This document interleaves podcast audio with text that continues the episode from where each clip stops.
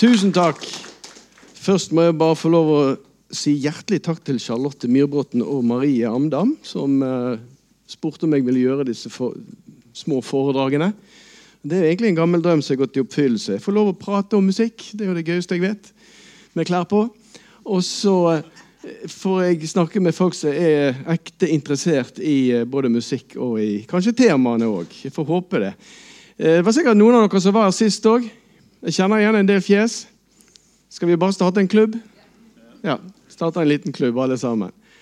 Dette var faktisk det første temaet jeg foreslo for uh, biblioteket. Jeg angret litt etterpå, fordi det er ganske dystert. Men så fant jeg ut at nei, jeg skal likevel snakke litt om det. Fordi det er jo et kulturelt fenomen som veldig mange er interessert i. Og det er også noe som involverer noen av de største artistene i rockens historie, så det gir meg en anledning til å prate om de. Eh, og så er det, er det et eller annet med døden som vi blir fascinert av. Det er jo det. Og spesielt når det gjelder kunstnere som dør unge. Så selv om dette her er den såkalte 27 Club, eh, så kunne jeg like gjerne ha snakket om 20 andre artister som eh, har dødd unge. Og når jeg sier unge, så er det de som da er yngre enn meg. Eh, Nei, hvis de faller fra når de er fra 20 til 40, så er de jo veldig unge. Um, en ting som dere sikkert vil bli litt overrasket over Alle disse her dør altså når de er 27. Det er året etter at de har fylt 27, og før de blir 28. Tenk på alt det de har opprettet, alt, det, alt de har klart å gjennomføre før de dør. Uh, dette her er jo et uh, kulturelt fenomen, men det er ingen forskning foreløpig som kan bevise at det skjer noe spesielt i en kunstners liv når vedkommende er 27. Det finnes ingen forskning som kan bevise at ah, det året det var, da, da var han like gammel som Jesus, og da, da nådde han en sånn åndelig greie. Ingenting som tyder på det. Dessuten så var dette med 27 Club det var ikke noe som jeg hadde hørt om da jeg vokste opp. Selv om mange av de jeg skal snakke om nå, de døde da de var 27 det var noe som først kom på 90-tallet, og det kom spesielt etter at Kurt Cobain døde. Og Det har litt sammenheng med at mange av de artistene som døde da de var 27, ble omtalt i aviser og musikkblader som 25-åringer. Brian Jones, for eksempel, 25. Jimmy Hendrix, 25. Man visste ikke helt når de var født, fordi at de løy ofte. Disse biografiene som ble sendt rundt til tenåringsmagasiner, og sånn, der sto det gjerne at eh, Brian Jones var 19 år da han startet The Rolling Stones. Og sånne ting. Og Dermed så regnet man ut at å ja, han var bare 25. Så de er, de er rett og slett litt yngre i pressen helt fram til midten av 70-tallet, langt ut på 70-tallet, 80-tallet. Og så begynner man endelig å nøste opp i når de er født. og denne 27 Club blir et fenomen. Dere har hørt om mange av dem. Derfor skal jeg ikke dvele for mye ved de som dere kjenner godt til. Så Jo lenger opp til vår tid vi kommer, jo kortere blir historiene. For Det kan dere lese om på internett, det har dere lest om i aviser. Likevel skal jeg selvfølgelig komme inn og både, både Kurt og Amy. Men dette her er noen av de sentrale i historien. Dere ser sikkert hvem de er, de forskjellige. sant? Det er Fra venstre så er det Brian Jones mannen som startet The Rolling Stones. Det er Jimmy Hendrix, det er Janis Joplin, Jim Morrison, Kurt Cobain og Amy Winehouse. Eh, en ting til. Det er det at mange av de jeg skal snakke om i dag, har én ting felles. Og det er det at de er forholdsvis selvdestruktive. Både i væremåte og i kunsten sin. Og mange av de har også suicidale tendenser. Så Det er det eneste jeg kan se som har en slags rød tråd i dette. De lever fort, hardt, og de dør unge. Leave a lovely corpse, som det heter. Leave a beautiful corpse. Hvor begynner det henne? Det er jo en komponist som eh, dør eh, på 1800-tallet, som er 27 år gammel. En brasilianer. Men jeg tror vi skal begynne med det som er eh, rock. Altså Vi skal holde oss innenfor begrepet blues og rock. Og Da starter det med denne mannen her som er Robert Johnson. Og Det er egentlig mannen som har laget salmeboken til den rockemusikken vi alle sammen er vokst opp med. De 29 sangene som denne mannen spilte inn i løpet av to økter i 1936 og 1937, det danner hele basisen for det som er rock and roll. Det er Crossroads Blues, det er Love in Vain, det er Sweet Home Chicago og 26 andre låter. Og Den mannen der er også da historie, altså han er det klassiske eksempelet på det å denne myten med at man skal møte djevelen i et veikryss, og så skal man selge sin sjel til djevelen i bytte mot evig berømmelse. Så Robert Johnson eh, er da helt uløselig forbundet med djevelen i veikrysset. Selv om sangen 'Crossroads' handler om at han må komme seg hjem. Han står ved, ved veikrysset og trenger haik hjem. Men det er det jo ingen som bryr seg om. Ikke ødelegg myten. Han møtte djevelen. Han fikk et gudbenådet talent. Han spilte inn disse 29 låtene, og så dør han 27 år gammel. Og Det skjer ganske dramatisk. Og Det også er kanskje litt gjennomgående for mange av de dere skal få høre om. Han spiller på et sånt lite sånn sjekk, som det heter. Hvis, det, hvis, dere reiser til Amerika og reiser på sånn bluescruise eller tar busser, eller i hvert fall eh, i sånne uh, turer som da dere får guidet gjennom New Orleans, gjennom Mississippi, Memphis så vil dere høre det at det der er masse sånne småsteder der de serverer alkohol, og der det er bare et lite podium, og der sitter der en artist eller to og spiller. Og Sånn reiste Robert Johnson. Ustanselig. Og Han begynte vel egentlig å reise som 19-åring, for da mistet han sin kone i barsel. Han var gift med en 16 år gammel jente. De ventet barn. Hun dør i barsel. Han ofrer livet sitt for musikken. Og Fra den gang og helt frem til han dør, så er han på reise. Når han da kommer til dette spillestedet i eh, august 1938, så er han 27 år gammel, og han er allerede en eh, vel altså Han har en, slik, en liten sånn legendarisk status, i hvert fall en aura rundt seg, og han er kjent for å drikke mye. Men han er også kjent for å være litt av en kvinnebedårer. Så han har altså da hatt eh, et forhold til en gift kvinne hvis ektemannen dukker opp på denne spillejobben 13.8.1938 og skal spandere whisky på han.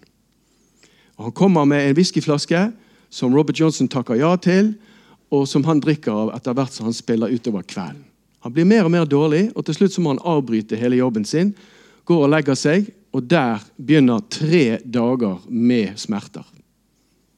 Det sies at eh, flasken var forgiftet med stryknin, men da hadde han dødd allerede etter et par timer. Denne sjalu ektemannen hadde funnet ut at uh, noe sånn ugressmiddel var det beste for å trekke ut smertene. Etter tre dager der han hylte som en ulv, så dør Robert Johnson. Så kan man jo tenke seg Var det djevelen som tok han? Det er tre forskjellige gravplasser i USA som har gravsteinen Robert Johnson, the legendary blues singer.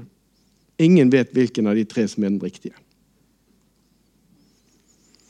Et par eh, artister som er ganske ukjent for dere. Dette er Jesse Belbin, som i 1960 hadde opparbeidet seg et ry som den nye Nat King Cole. Han hadde en helt fenomenal stemme. 'Good Night, Sweetheart' er hans mest kjente ballade.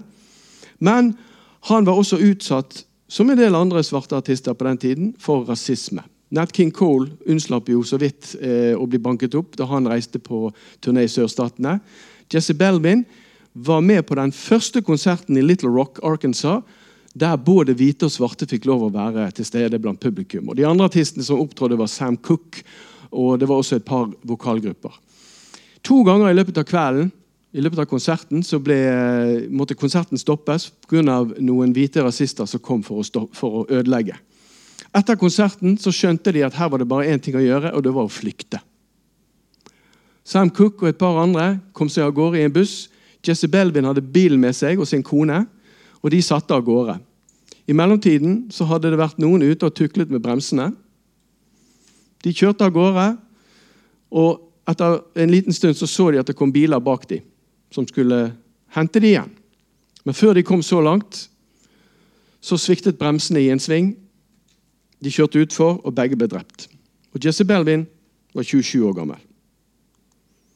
Denne mannen, Rudy Lewis, som var forsanger som det heter, i vokalgruppen The Drifters, Og det er sikkert ingen av dere her som ikke har hørt minst et dusin av Drifters sine slager. De hadde så mange hits fra midten, eh, begynnelsen av 50-tallet og langt ut på 80-tallet med forskjellige medlemmer. Det er den eneste vokalgruppen jeg vet om der eh, det er ikke bare medlemmene som går i arv, men det er slektene, altså det er slekt og venner som kommer inn og går ut av gruppen. Det er sikkert jeg tror det er 50 forskjellige vokalister som har vært innom gruppen. Men det er han vi skal snakke om, det er Rudy Lewis som uh, synger på mange av de mest kjente sangene. 'Up On The Roof' en av de. Og så er det da at i, uh, i mai 1964 så skal de spille inn en sang som heter 'Under The Boardwalk'. Som dere sikkert kjenner både med The Rolling Stones og en del andre. Og Fremdeles så får jeg spørsmål fra folk som, liker Stones. Spiller dere denne 'Under The Boardwalk'? Og så sier jeg, Nei, vi gjør ikke det. Det er jo en sang av The Drifters. Nei. Nei, det er Stones. Ja, ja, greit. Jeg gir meg. Rudy Lewis og The Drifters skulle spille inn Under the Boardwalk. Dagen før dør Rudy Lewis på hotellrommet sitt etter å ha spist seg i hjel. Han led av uh, litt alkoholisme, ikke mye. Han uh, rotet litt med heroin, men ikke mye. Men det som virkelig var hans albatross rundt halsen, det var spising. Så han er den tidligste jeg kjenner til innenfor musikken som altså da lider av fråtsing. Han ble funnet tidlig på morgenen den dagen de skulle spille inn 'Under the Boardwalk'. Likevel ble sangen spilt inn, for de måtte omrokere innad i vokalgruppen.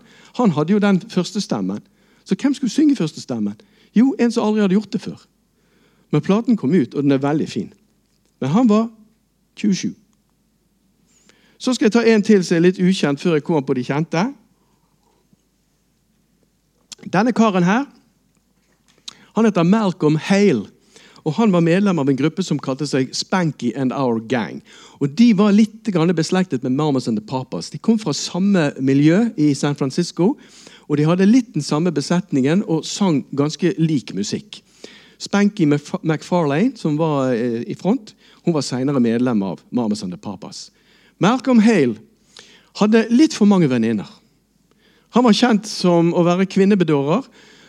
og Det hendte ofte at han uteble fra konserter. Så måtte de ringe rundt til kjærestene hans for å finne ut hvor er han i dag. Hvor er han i dag?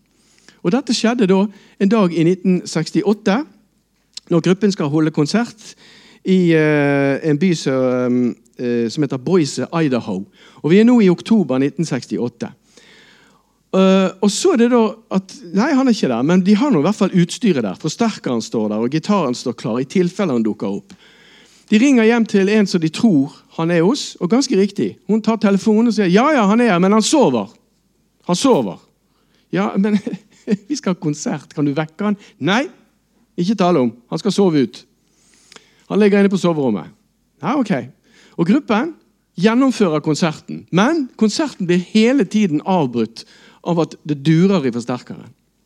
Mens de står der og synger den ene fine slageren etter den andre, boom, så blir de avbrutt. Så til slutt så må de bare koble den ut. Vekk.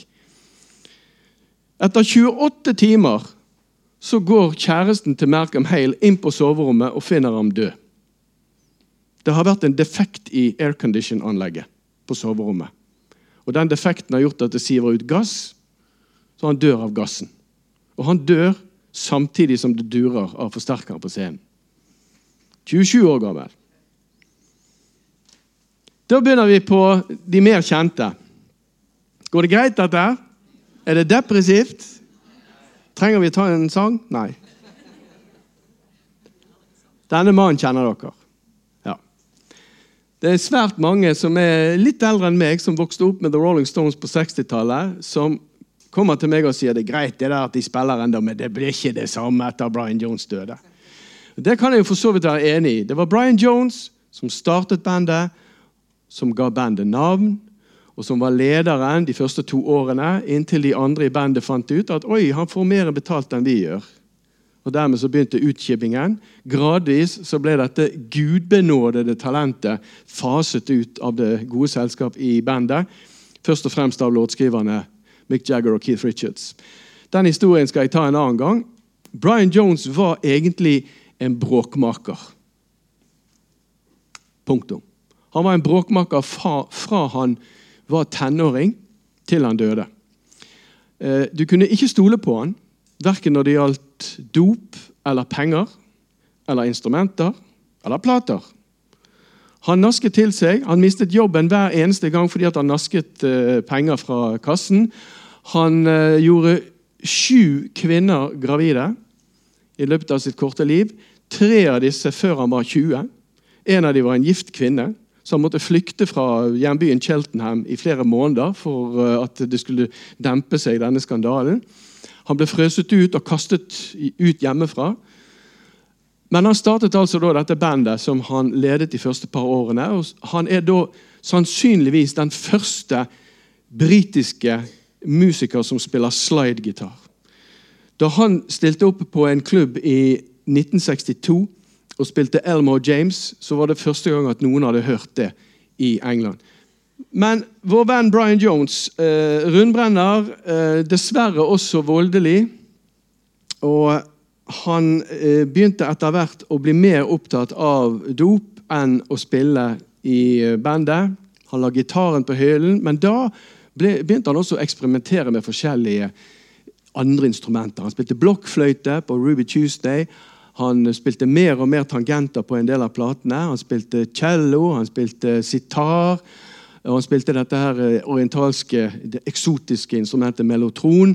Og han spilte til og med et helt brassband på en av innspillingene til Stones.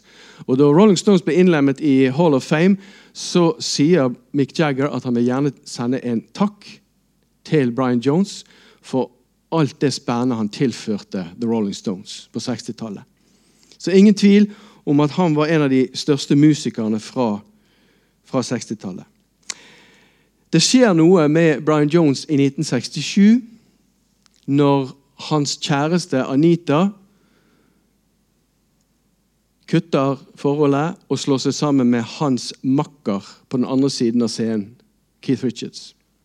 Der begynner nedturen for alvor for Brian Jones. Han blir arrestert for besittelse av narkotika. Han blir mer og mer deprimert. Og i juni 1969 så er The Rolling Stones tvunget nærmest til å gi ham sparken, for de får ikke visum til å turnere i USA. Og hvis ikke de kan turnere, så må de oppløse bandet og gå på sosialen, for de har ikke penger. De må tjene penger. Og Brian Jones sier ja, jeg skal slutte. En måned etter at han da får sparken og slutter i Rolling Stones, så blir han funnet død i sitt svømmebasseng. Og Fremdeles så er det mange som mener at Brian Jones ble drept. Der er laget bøker om det. Der er laget filmer. Senest i januar i fjor så var jeg i Oslo og så en film som var ganske full av såkalte bevis. Og det bunner vel egentlig i det at uh, Brian Jones druknet. Om han ble holdt under vann eller ikke av noen, det gjenstår å få bevist. Men det som i hvert fall er sikkert, det er at dødsdatoen er feil.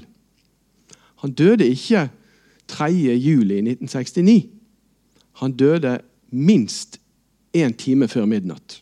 Sannsynligvis halv elleve om kvelden 2. juli 1969. Men det ble en såkalt cover-up. Frank Thorogood, som var ansatt for å renovere huset til Brian Jones, han ringte til Tom Keelock, som var den som var Mr. Fix-It for alle i The Rolling Stones. Hvis det var noe galt, så var det han de ringte til, og han kom til unnsetning. Da ble alt som hadde av narkotika, ryddet vekk. Så få flasker som mulig. Så ringte man politiet. Og da var klokken kommet over midnatt. Ble han drept, eller var det et uhell? The Rolling Stones har alltid nektet å uttale seg, men har sagt såpass at de godtar at han døde ved et uhell. La det være sånn. Han, britisk Dette er den amerikanske Brian Jones på mange måter. Han har samme rolle. Er det noen som vil gjette hvem det er? Er det noen her som kjenner bandet Canned Heat? Det er Alan Wilson. Og nå begynner, Dette er den første av tre eh, rockeartister som dør i løpet av fem uker høsten 1970. Og disse tre er 27 år. Men det var aldri snakk om noe 27 Club da de døde. Som jeg sa i sted, mange trodde at de var bare 25. Alan Wilson, eh, samme rolle som Brian Jones, starter et fenomenalt bluesband, i dette tilfellet Canned Heat. Og han er helt fantastisk når det gjelder å, å spille gitar med sjel. Og så har han en litt spesiell sangstemme.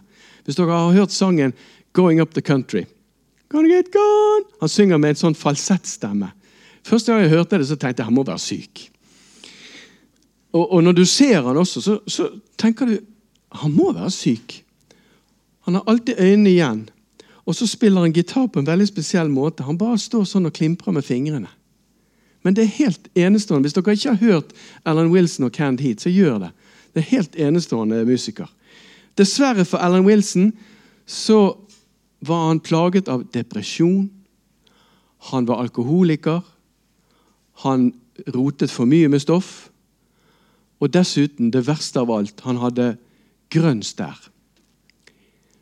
Han vokste opp i en tid når det var helt umulig å helbrede grønn stær. Du blir gradvis blind. Så Før eller siden så ville Alan Wilson miste synet. Det er derfor han alltid står med øynene igjen, for han ser nesten ingenting. Han visste det, og de andre visste det. Og Hvert av medlemmene i Candy Heat hadde sine kallenavn. Uh, Bob Height han var diger som en bjørn, så han ble kalt The Bear. Henry Westin, gitaristen, han sto alltid og svaiet litt når han spilte, så han var akkurat som en solblomst. Så han var Sunflower. Mens Alan Wilson han var Blind Owl. En blinde ugle. Dette førte til at han ble mer og mer deprimert. Høsten 1970 så var Canned Heat i ferd med å bli det største bluesbandet, ikke bare i Amerika, men også på det europeiske kontinentet. Og Dette er da like etter at Peter Green har sluttet i Fleetwood Mac. Og Da er det egentlig Canned Heat som er det store bluesbandet på turné i Europa. De er på to turneer. Den første den kommer også ut på plate, og det var den jeg hørte første gang. Den andre turneen blir gjennomført med bare fire medlemmer. Kvelden før Kenneth Heat skal reise til, til, Europa for å gjennomføre en turné, så legger Ellen Wilson seg til å sove i en, i en sovepose i hagen til Bob Height, The Bear, et av de andre medlemmene. Og han er dypt deprimert, ikke bare på vegne av seg sjøl og fordi han er i ferd med å bli gradvis blind, men også fordi han er den første i rock som er opptatt av jorden vår. Han kunne vært, han kunne vært leder for medie, altså Miljøpartiet De Grønne. Han var så bekymret for jorden, og spesielt The Redwood Forest og all form for, for forurensning og sånn som vi misbruker jorden. Så disse tingene tynget ham ned, og han la seg i soveposen i hagen til sin beste venn, tok en overdose sovetabletter. Gruppen møtes på flyplassen 3.9.1970 og skal reise til Europa. Reiser uten ham, for han får heller komme med neste fly. Og Når de lander i München, så får de beskjed at de har funnet ham død. Men de må gjennomføre turneen uten ham. Alan Wilson var 27. Han kjenner dere. Ja. Men hvordan døde han? Og hva het han? Han het Johnny. Han het Johnny Allen Hendrix. Og Han vokste opp først hos sin mor et par år. Så fikk faren foreldreretten, og han døpte han om til James Marshall Hendrix. Men Jimmy Hendrix er det vi kjenner ham på. Jeg har bare lyst til å fortelle den, den historien om hvordan han blir oppdaget og blir superstjerne. Fordi Det er en sjarmerende historie. og for de av dere som var her på eh, foredraget mitt om bergensrocken, så er jeg opptatt av at alt henger sammen. Uansett hvor du er i musikkhistorien. Det henger sammen med noe. Og før eller siden så kommer du tilbake igjen til det. Jimmy Hendrix eh, hadde spilt med Little Richard, han hadde spilt med en del andre artister i Amerika. Eh, og eh, I løpet av våren 1966 så hadde han eh, fast engasjement på en klubb i New York. Og På en av turneene til Rolling Stones så hadde, så hadde, Keith Richards med seg kjæresten sin. Linda. Linda Keith. Altså Keith til etternavn. Hvis hun hadde giftet seg med Keith Richards, så hadde hun fått navnet Linda Keith Richards. Ganske kult navn. Men i hvert fall. Eh, det gnisser mellom de to, og Linda forlater Keith. Og Så går hun på klubb, og så oppdager hun denne her suverene gitaristen og inngår et forhold med han. Og så tipser hun bassisten i The Animals. Jeg skal ikke ha for mange navn her, men dere klarer å følge med. sant? Bassisten i The Animals, Chas Chandler, han har tenkt å slutte i eh, bandet fordi han har lyst til å bli manager, men han må finne en artist som han kan bli manager for. Og Da er det at Linda kommer til han og sier du, jeg har, jeg har sett en fantastisk gitarist. Han tror jeg kan bli noe. Og Chas Chandler dukker opp på denne klubben i New York og tenker ja, han skal vi ta med oss til, eh, til England. Så han overtaler Jimmy Hendrix til å bli med til England. Og Det eneste Jimmy har med seg, det er gitaren og en liten bag med klesskifte. Det er det eneste han har med seg. Kommer til England og blir superstjerne. Den historien kjenner dere. Men historien er ikke helt ferdig der når det gjelder Linda. De blir jo ikke noen kjærester lenge. Men poenget er det at Linda dumper Keith. Og Keith, som har kjærlighetssorg, skriver en sang som heter 'Ruby Tuesday'. Og Det er om Linda, som da er ansvarlig for at Jimmy Hendrix blir superstjerne. Er ikke det en fin historie? For øvrig, 'Ruby Tuesday' er en sang som ble delkomponert av Brian Jones, men han fikk ikke kreditering for det. Men historien har jeg personlig fra Keith Richards. Jeg spurte han direkte handler den om Linda. Yes, sa han. She dumped me. Hvordan døde han, da? Han dør jo altså da i London. Og før på dagen Det, det, er, jo en, det er, jo et døgn Det har vært laget filmer om The, the 24 Hours, både med han og Jim Morrison og en del andre, eh, der han fester veldig mye av det siste døgnet. Han går på klubb og spiller litt her og litt der. Jammer med noen. Eh, han skal møte Eric Clapton, men dukker ikke opp. Eh, og I løpet av kvelden så ringer han også rundt til noen av vennene sine. Og Blant de han ringer, er Eric Burden, vokalisten i The Animals. Og Det eneste han sier, det er 'I need help, man'. Jeg trenger hjelp. Og Han trengte faktisk hjelp fordi han var, han var egentlig plaget av at han hadde en manager som absolutt skulle ha han ut på turné hele tiden. Denne manageren dør for øvrig senere i en flyulykke. og Det var mange som mente at det var det var noen som styrte den ulykken. Nok om det. Han bor hos en, en kvinne som heter Monica Dannemann. Og I løpet av natten så står han opp og uh, tyller i seg noen sovetabletter. Og drikker litt, legger seg til å sove og får brekninger og blir kvalt og dør. Det er den offisielle historien. Men det er mye som tyder på, fordi han ble, han ble obdusert og når de obduserte han, åpnet, så fløt alt i rødvin.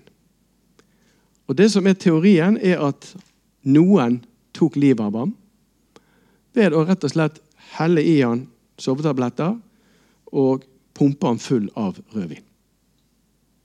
Men uansett verdens beste gitarist dør 27 år gammel. Og Det går ikke mer enn et par uker så dør også denne artisten. Jimmy Hendrix dør 18.9. Janis Joplin dør 4.10. Janis Joplin, den stygge andungen, som var utstyrt med en fenomenal sangstemme, også plaget av depresjon og alkoholproblemer, men dessverre også dop. På slutten av livet sitt så fikk hun en skikkelig opptur med et nytt band. Hun laget en LP som kom ut like etter hennes død, Pearl. Og hun hadde også fått seg en kjæreste som hun uh, var forlovet med, Seth Morgan.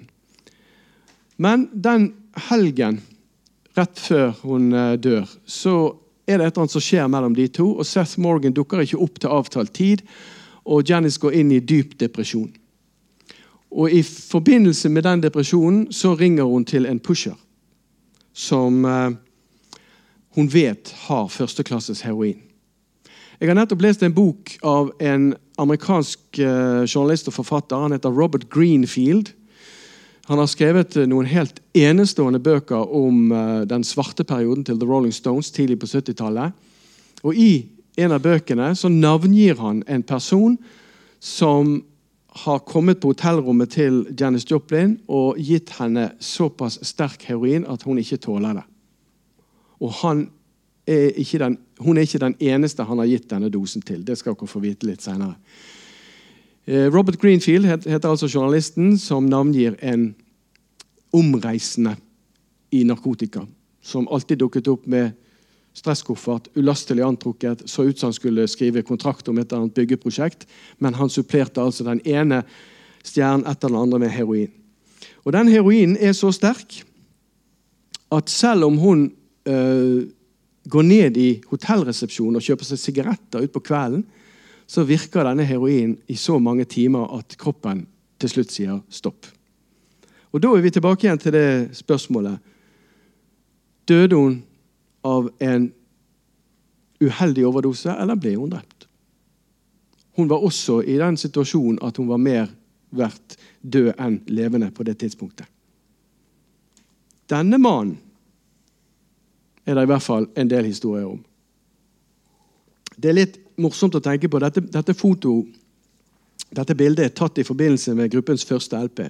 Ja, Det er jo Jim Morrison fra The Doors, i tilfelle noen uh, ikke vet det. Jeg tar det som en liten selvfølge at dere kjenner noen av dem.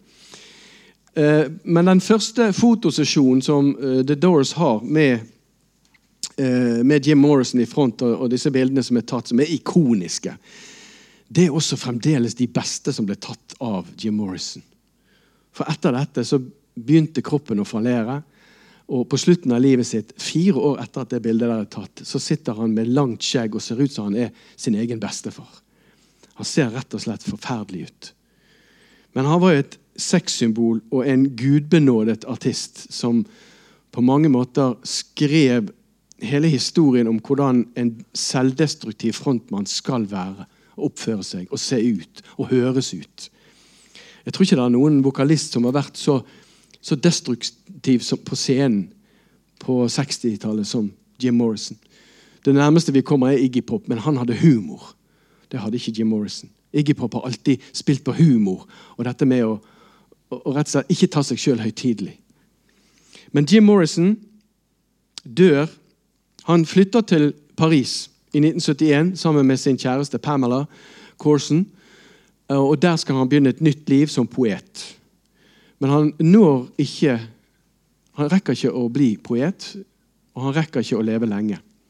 Han blir funnet død 3.7.1969 i leiligheten i sitt eget badekar. Og Den som finner ham, det er hans kjæreste Pamela. Igjen er det feil dødsdato. For Jim Morrison dør før midnatt. Han dør 2. juli. Og han dør ikke i leiligheten. Han dør på en klubb. Og på denne klubben så har vår mann fra hotellet til Janis Joplin vært og supplert heroin. Det er en dokumentar som ligger ute på YouTube, så dere kan søke opp. The Last 24 Hours. Der det er en del som blir intervjuet, bl.a. en veldig kjent fransk musikkjournalist som tilbrakte mye tid sammen med Jim Morrison. For Han var nemlig ikke selvdestruktiv på slutten av livet sitt. Han var oppstemt, han barberte seg, han så, han så frisk ut, ifølge denne journalisten. Og han gledet seg til å skrive nye dikt og gi ut samlinger som kunne gis ut både på fransk og på engelsk. Og han utelot uh, Han ville ikke planlegge noen ny Doors-LP. For De hadde nettopp gitt ut LA Woman, og han mente at det er en grei avslutning på det livet. Men han går på klubb, og i løpet av kvelden den 2. juli 1971 så får Jim Morrison såpass mye heroin i seg at han dør. Og det er jo skandale hvis han ble funnet på en nattklubb i Paris død. Så det er nok en gang en slags dekkoperasjon. Jim Morrison blir fraktet hjem til leiligheten. Pamela sover. De tapper vann i badekaret, setter han oppi og stikker. Noen timer seinere våkner Pamela og går ut på badet og finner Jim Morrison Han blir ikke obdusert. For det er ikke nødvendig i Frankrike i 1971. Det er nok at man finner en mann død i et badekar med et sprøytestikk. Overdose. Ja, hvor er sprøyten? Nei, det er ikke så viktig å vite. Ja, men vannet, det var jo varmt. Så det er jo nettopp tappet. Ja, Det er heller ikke så viktig. Så hvordan døde Jim Morrison? Det eneste vi vet med sikkerhet, er at han døde 27 år gammel, og at hans eh, kjæreste, Pamela Corson, som fant ham, dør tre år seinere. 27 år gammel, hun òg. Da skal jeg ta et par uh, litt ukjente igjen. da. Går det greit, dette her? Det er så stille, og da tenker jeg, da, som Keith Richards sier, da er det enten veldig bra eller veldig dårlig. Så um, Da tar vi en sånn liten popquiz her. da. Hvem er dette? Er det noen som vil tippe? Ja? Han kommer vi til. Dette er lillebroren til Alex Harvey. Hvis dere kjenner til The Sensational Alex Harvey Band, som hadde Delilah som en av sine hits. Ja, Det er Les Harvey. Leslie Harvey. Lillebroren han var mange år yngre. Jeg tror han var tolv år yngre enn sin storebror Alex. Og Han spilte i et band som het Stone The Crows. Og I Stone The Crows så var han også kjæreste med vokalisten Maggie Bell. Når det gjelder Leslie Harvey, så var han ikke bare lillebroren til Alex Harvey, men han var forbildet til sin storebror. Storebroren var så stolt av Leslie, det han fikk til både musikalsk på gitaren og det han fikk til med gruppen Stone the Crows, at han tenkte det at hvis jeg ikke hadde hatt han, så hadde jeg ikke hatt noe å strebe etter. Vi er nå i 1972, i mai, og Stone the Crows skal holde en konsert ikke utendørs. Det er noen steder det står at denne konserten ble holdt utendørs, og at det var en kortslutning. Det er feil. Det var innendørs, riktignok i et telt, men det var inne. Og Leslie Harvey, bandet står klar. Maggie Bell der. Han står klar. Kobler på forsterkeren, og så går han bort for å ønske velkommen i, til ny konsert. Så tar han på mikrofonstativet. Den kortslutter fullstendig, eksploderer. Han blir liggende på gulvet. Et av medlemmene løper frem og drar ut ledningen på gitaren, men det er for seint. I salen så er det over 100 sykepleiere. Dette er en konsert som er arrangert av en helseforening. Det ironiske er at 100 sykepleiere kan ikke redde lille Leslie Harvey, som dør ved siden av kjæresten sin på scenen. Og Når Alex Harvey får høre det, så bryter han sammen og tenker jeg skal gi meg med musikk. Men så er det det at Alex Harvey han har begynt å øve sammen med noen unge karer fra Skottland som sier at dette må du gjøre for å hedre Leslie. Og Dermed så fortsetter Alex Harvey. Men resten av sitt liv så forblir Alex Harvey en alkoholiker som sørger over lillebroren. Og Alex Harvey dør sjøl, 47 år gammel. Men Leslie Harvey, altså, 27 år gammel, dør på tragisk vis. Så er det den karen her, da. Slik som Brian Jones var selve starten og sjelen i The Rolling Stones, så var Ron McKernan starten og selve sjelen i The Grateful Dead. Han fikk tilnavnet Pigpen Uh, er det noen av dere som kjenner uh, Ja, alle, alle, kjenner denne tegneserien Knøttene. Sant? Peanuts. Og i Peanuts så er det uh, Jeg vet ikke hva han heter på norsk, men han som hele tiden er så skitten. Når han går, så støver det bak han. Han heter Pigpen i den amerikanske Peanuts-tegneserien. Og han fikk kallenavnet fordi han var ikke spesielt hygienisk. Han vasket seg ikke. Han likte ikke det. Men han var helt enestående på munnspill, og han kunne synge soul-låter. Otis Redding var forbildet hans. Og i det hele tatt, All bluesmusikken som The Grateful Dead spilte i begynnelsen, det var det Pigpen som kom med. Og Han spilte også orgel. Han, han populariserte farfisa-lyden. Den hører dere på den første LP-en til The Grateful Dead. Den, den farfisa-lyden som Elvis Costello ble verdenskjent for. Pigpen hadde dessverre et alkoholproblem fra før han var 15. Så han ødela kroppen med alkohol. Og etter at Janis Joplin døde, så ble han stadig mer selvdestruktiv. Murte seg inne, kom bare av og til på øving. Reiste på noen turneer, men ble i så dårlig forfatning at alle legene sa til han at du må slutte å turnere.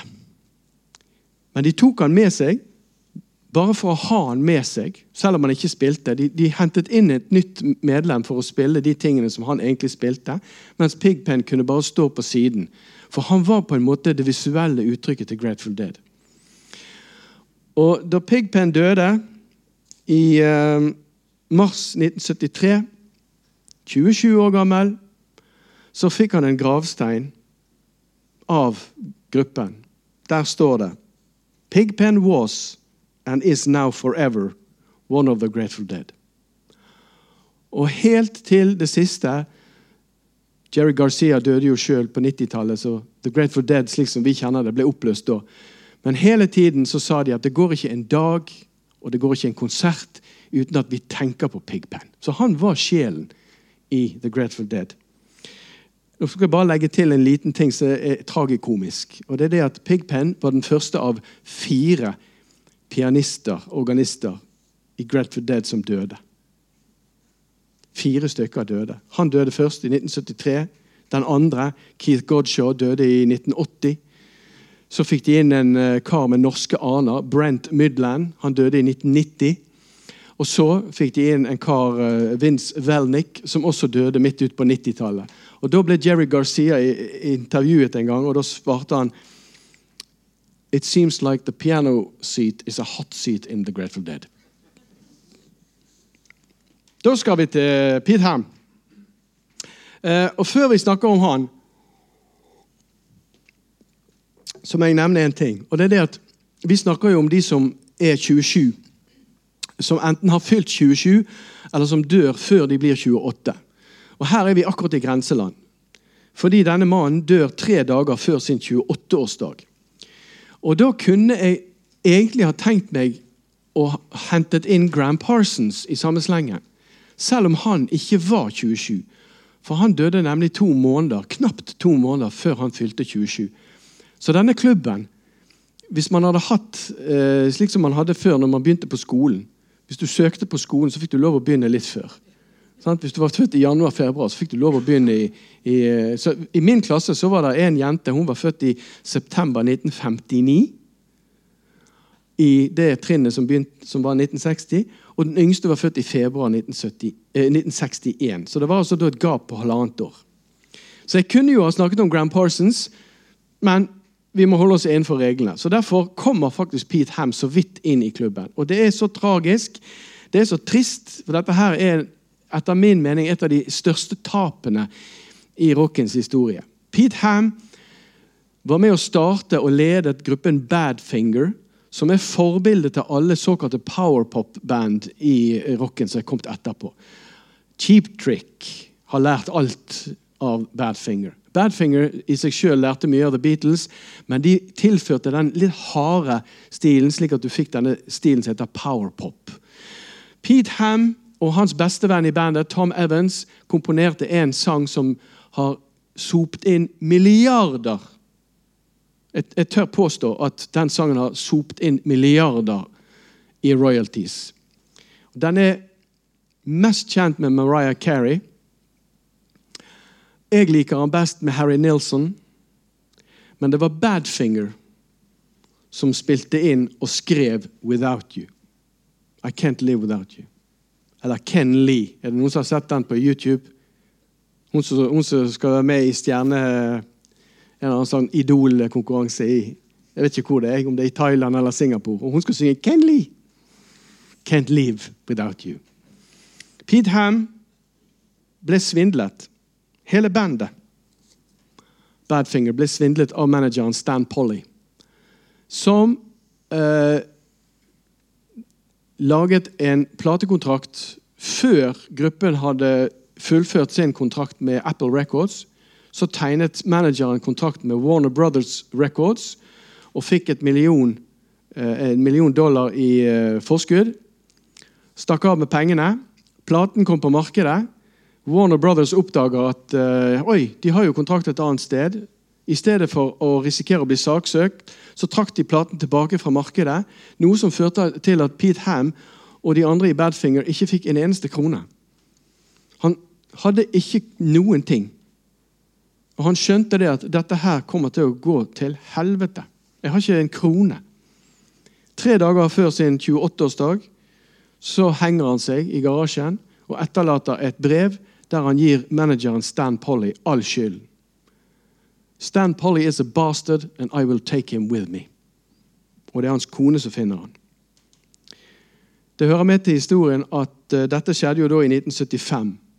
Åtte år seinere Jeg har nevnt Tom, uh, Tom, Evans, han som var med å skrive 'Without You'.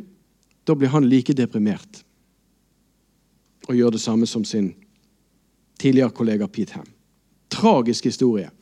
Badfinger finnes her på CD-er, så de av dere som ikke har hørt Badfinger, gjør det så fort som mulig. Er det noen som vet hvem dette er, da? Ah, mange Heap-fans her.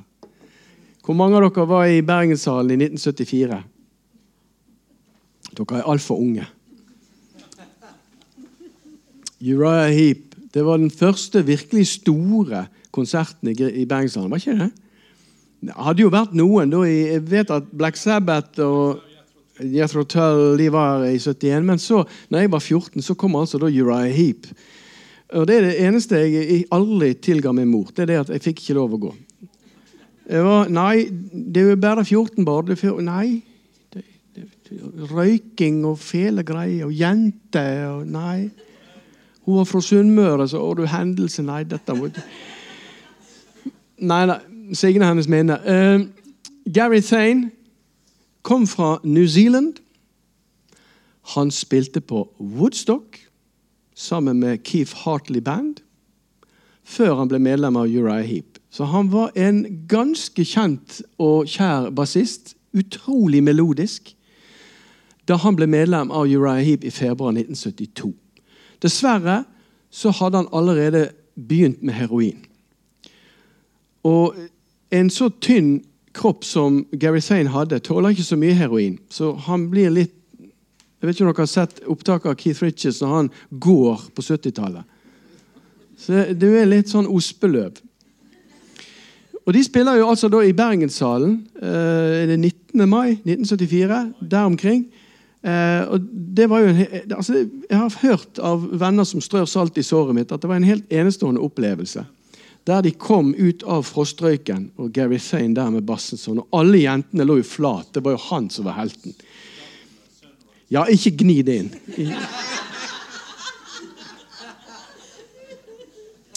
Jeg har hørt at de startet med Steelin.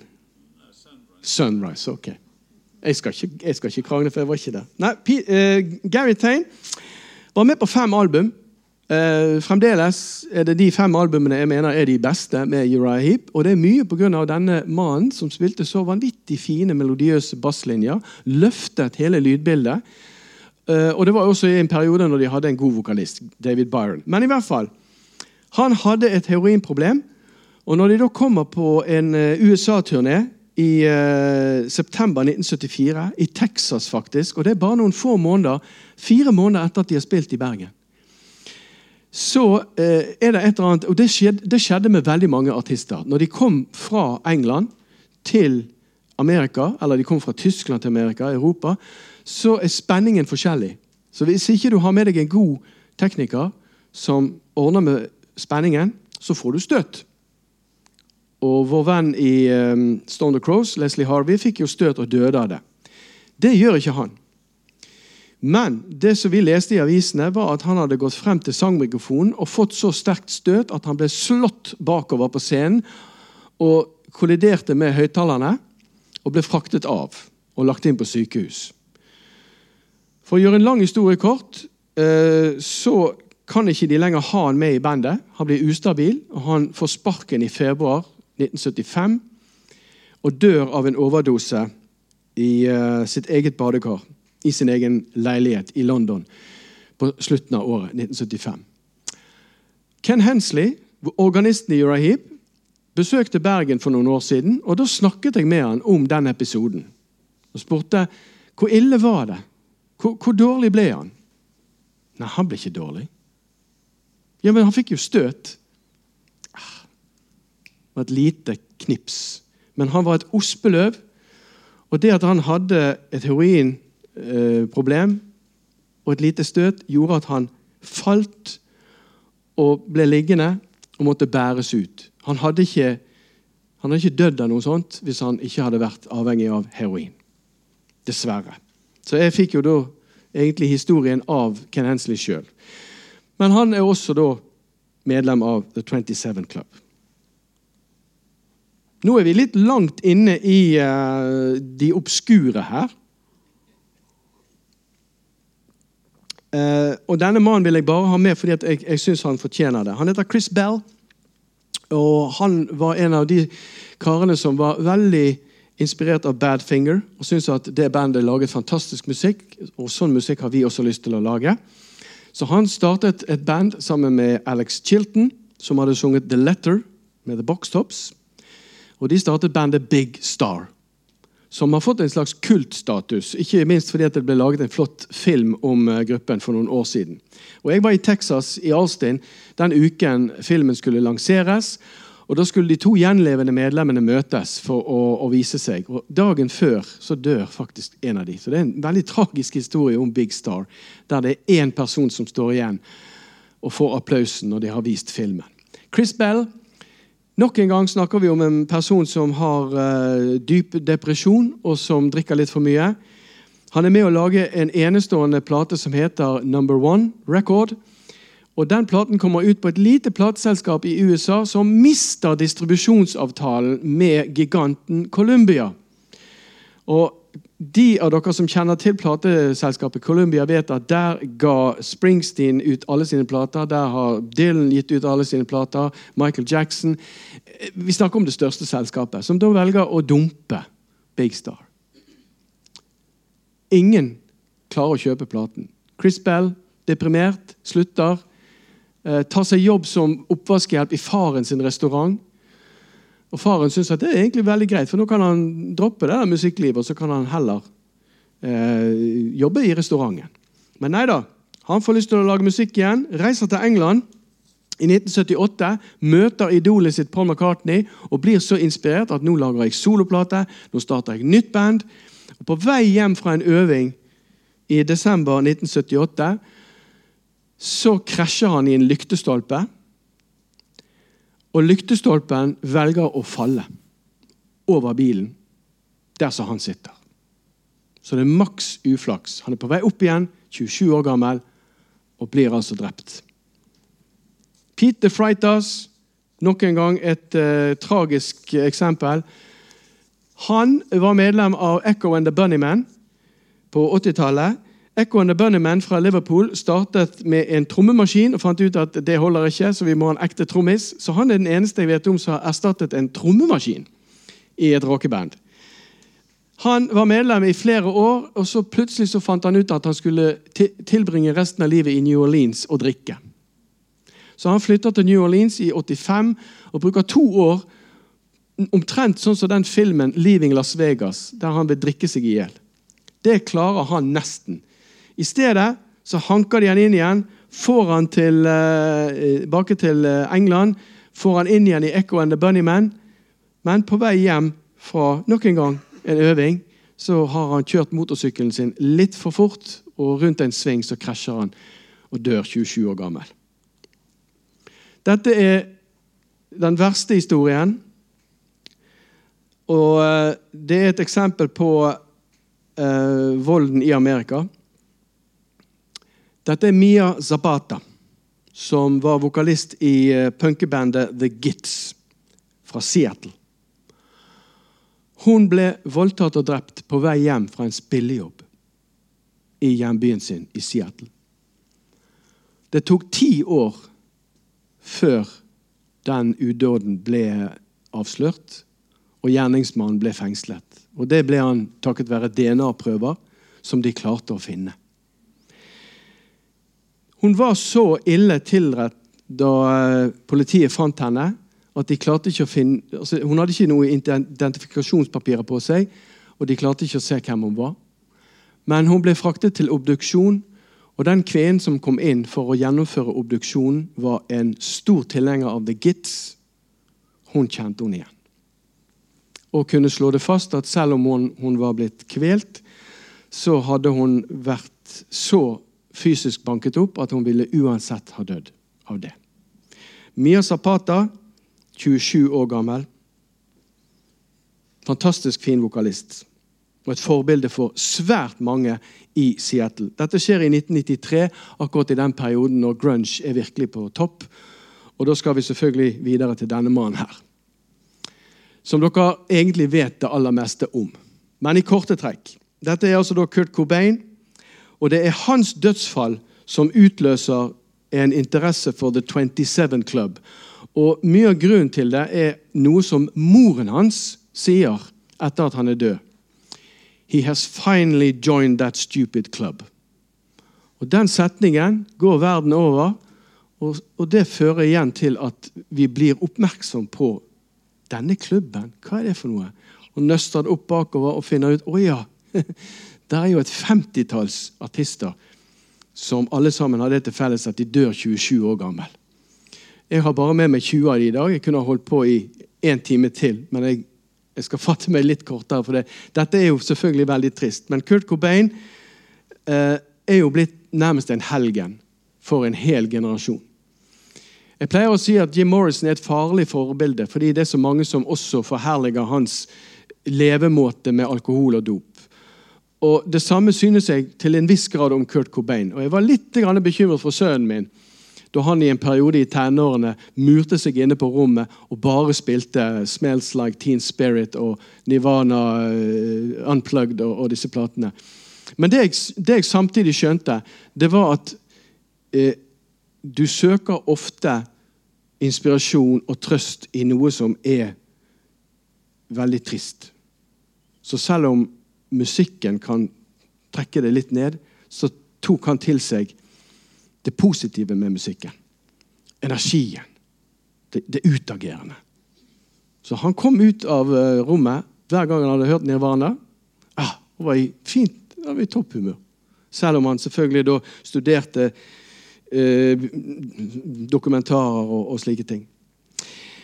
Depresjon, stoffmisbruk, forsøkte å ta uh, livet sitt uh, med en overdose i mars 1994. Det ble det skrevet mye om. Jeg jobbet i avis i den tiden, og vi trodde vel egentlig at han kom til å dø, for han lå i koma.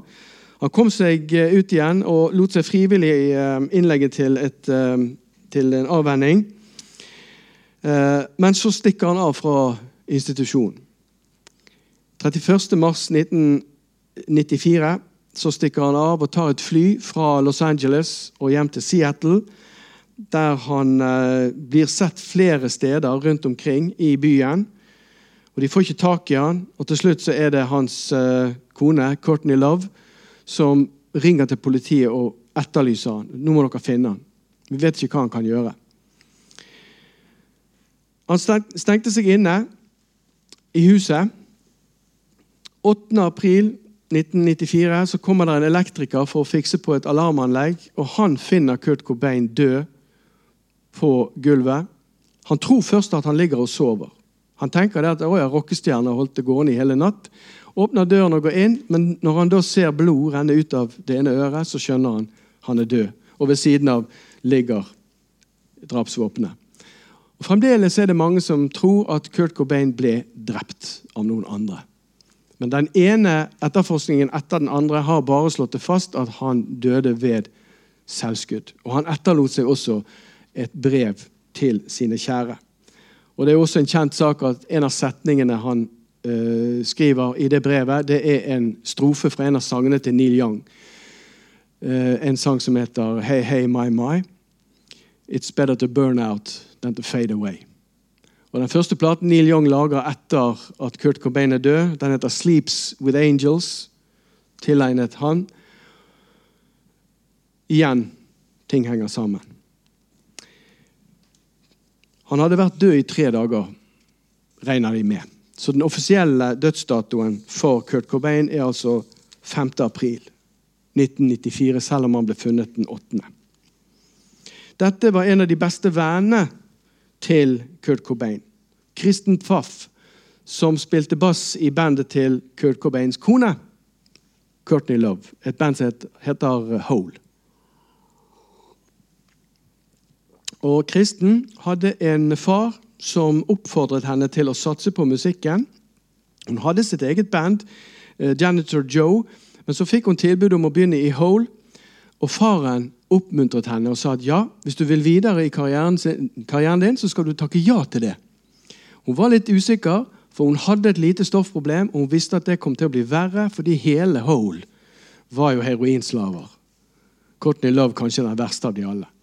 Men hun takket ja til å være med i bandet, og det gikk åt skogen, som dere kanskje skjønner. Hun klarte å slutte fordi hun var med på en plate og en turné, og så tenkte hun at nå skal jeg redde livet mitt. Sluttet i gruppen Hole, gikk tilbake igjen til sitt gamle band Janitor Joe, gjennomførte en avrusning og en turné, og når hun var ferdig med den turneen, så var hun stofffri. Og Dette her er i i uh, juni 1994, bare to måneder etter at hennes gode venn Kurt Cobain er død. Så planlegger hun å flytte permanent tilbake til Minneapolis og reiser en siste gang til Seattle 14.6.1994. Og Meningen er da å pakke alle sakene og få de flyttet hjem til Minneapolis. Og Hun har også avtale med en eh, kar som hun kanskje skal være kjæreste med. I hvert fall så er han en god venn. Paul Eriksen. Som stiller på døren 16. april og lurer på hvorfor åpner hun ikke. Da har hun som en litt sånn avskjedsdose bestilt seg litt heroin. Og det er det samme tragiske som skjer hvis man er ferdig med heroin og man skal ta et siste skudd, og man tar den samme mengden som man gjorde den gangen man gikk på det. Og Det er den samme måten Stein Ove Berg dør på. Han var ferdig med heroin, og så skulle han bare ta et siste skudd for good times, for old times sake. Så Kristen Pfaff dør av en overdose, 27 år gammel. Det hører med til historien at hun sørget veldig over at Kurt Cobain døde. Det er ingen som vet om hun gjorde det bevisst, eller om det var et uhell. Denne mannen er sannsynligvis død.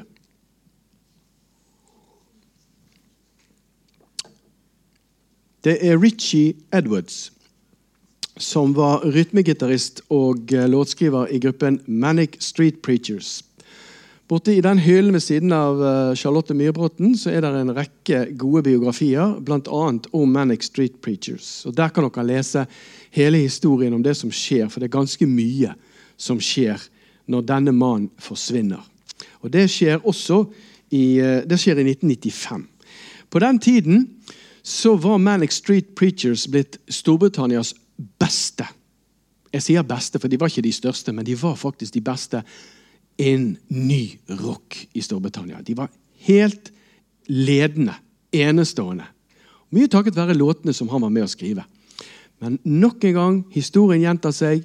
Depresjon, ustabil. Litt heroin her, litt for mye alkohol der. Og han var uforutsigbar. Og Der er en historie om et intervju som ble gjort 15. mai 1991 med musikkavisen New Musical Express. Og Jeg kommer aldri til å glemme den avisen som kom i posthyllen vår i BA, i Bergensavisen, uken etter. Det var en forside som vi måtte smugle opp på, på kontoret fordi den var så jævlig, for å si det rett ut. Richie James, Richie Edwards, Richie James Edwards hadde blitt så provosert i det intervjuet av ett spørsmål som journalisten hadde stilt. Journalisten han tvilte litt på at Manic Street Preachers virkelig mente det de sto for. Are you for real? Are you for real? Så tok altså Richie Edwards frem bagen sin, tok opp et barberblad, og så skar han et firetall og bokstavene R-E-A-L. For real. Nedover hele underarmen. Det silte blod. Journalisten ble sjokkskadet og måtte ha legehjelp.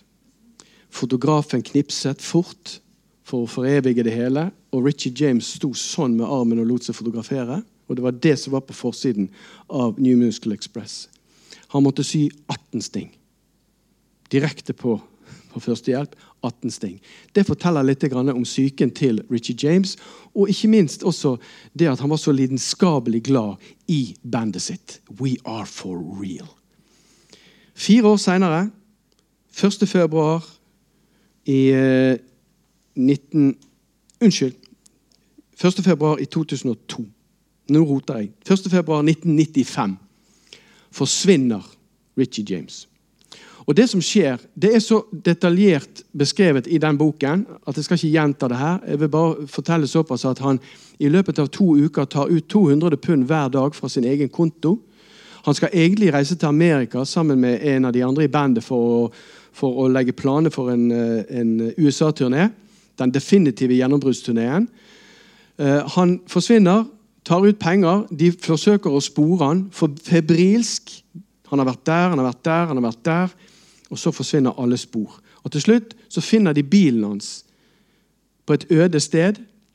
Der ligger bankkortet. Der ligger uh, personlige eiendeler som han ville ha tatt med seg hvis han skulle reist noe sted. Men de finner han aldri. De har aldri funnet Richie Edwards. 23.11.2008 så er det altså da gått mer enn 23 år, og da blir han erklært død. Etter å ha konferert med familien så blir han erklært død. Men det er ingen som har funnet han. Ikke noe lik, ingenting. Han forsvinner. 27 år gammel. Så da er vi kommet til veis ende. Denne kvinnen kjenner dere. Har Bergen skyld i at hun døde? Husker dere når hun var her? Da jeg leste, eller hørte vel på nyhetene, jeg husker ikke hva som kom først, at hun var arrestert på hotellrommet sitt eh, for marihuana, så tenkte jeg det er omtrent som å gå i fjøset og melke en ku. Altså, er det noe som er helt innlysende, så er det jo at denne kvinnen, en slik artist, har marihuana. Jeg tror det er den letteste jobben bergenspolitiet noensinne har hatt. Vi bare går inn, banker på døren. 'Kan jeg få se bagen din?'